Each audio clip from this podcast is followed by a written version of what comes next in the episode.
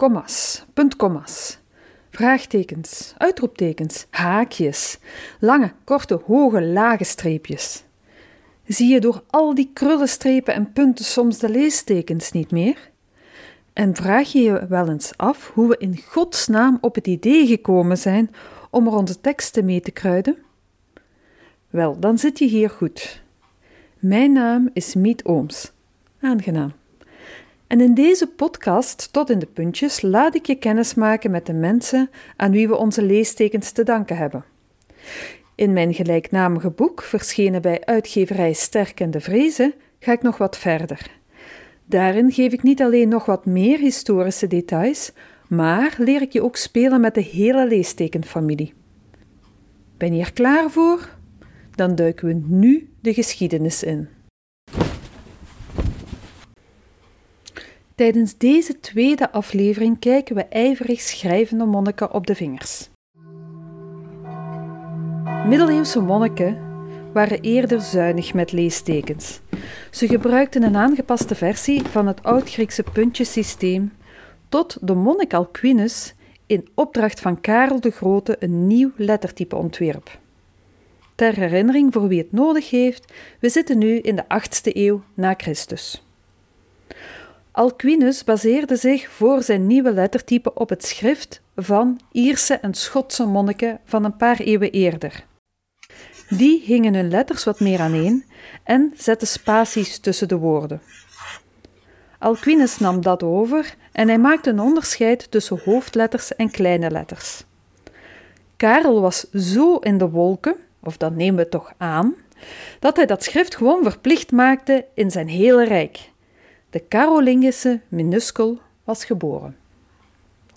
Maar wat heeft dat te maken met onze leestekens? Wel, heel veel. Doordat die letters kleiner werden en aan elkaar geschreven werden, waren die leestekenpuntjes niet meer zo zichtbaar. Dat systeem maakte dus plaats voor een ander type leestekens, een combinatie van punten en modulatietekens. Modula wat? Modulatietekens. Dat zijn tekentjes die oorspronkelijk afkomstig zijn uit de muziek en daar ook vandaag nog gebruikt worden. Ze geven aan of de intonatie bijvoorbeeld moet stijgen of dalen. De middeleeuwse combinaties van punten en modulatietekens heten positurae. Er waren verschillende systemen in gebruik, maar de volgende vier positurae vinden we wel in heel wat teksten uit heel Europa terug. Als eerste de punctus versus. Dat is een puntje met een haakje eronder. Die lijkt niet alleen qua vorm op onze puntkomma, maar ook qua functie. De punctus versus geeft aan dat de intonatie moet dalen en dat er dan een langere pauze volgt. Dan hebben we de punctus interrogativus. Dat is een lage punt met een krulletje erboven. Dat krulletje betekent dat de intonatie een beetje omhoog moet. Alsof je een vraag stelt. Het is inderdaad de voorloper van ons vraagteken. Dan is er de punctus elevatus. Een omgekeerde punt-komma. Een punt met een komma erboven. De punctus elevatus geeft aan dat de intonatie moet stijgen en dat de zin daarna doorloopt. Dat is de voorloper van onze dubbele punt. En tenslotte is er de punctus flexus. Een punt met een vishaakje erboven dat naar rechts wijst. Dat teken geeft een kleine pauze aan. Het teken zelf is intussen verdwenen, maar je kunt het beschouwen als de voorloper van onze komma.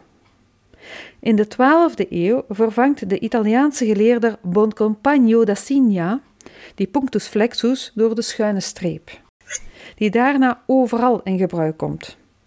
Die schuine streep als komma zal nog enkele eeuwen in gebruik blijven. Kort samengevat.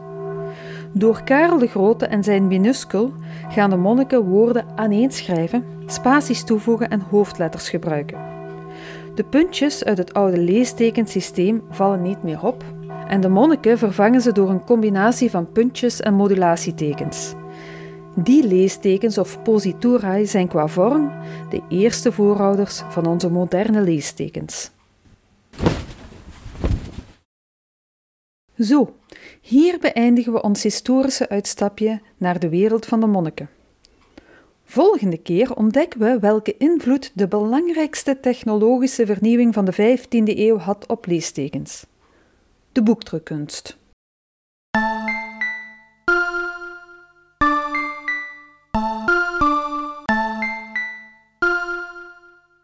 Je luisterde naar Tot in de Puntjes, een podcast van Miet Ooms over de geschiedenis van onze leestekens. Deze podcast is een smaakmaker voor en aanvulling bij het boek Tot in de Puntjes Praktische Leestekengids, uitgegeven door Sterk en de Vrezen. Wil je nog meer weten over dit onderwerp of wil je zelf de spel- en gebruiksregels van de leestekens vandaag grondig onder de knie krijgen?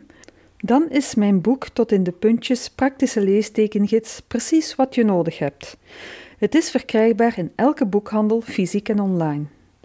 De podcast zelf vind je in je favoriete podcast-app en op de website taalverhalen.be. Bedankt voor het luisteren.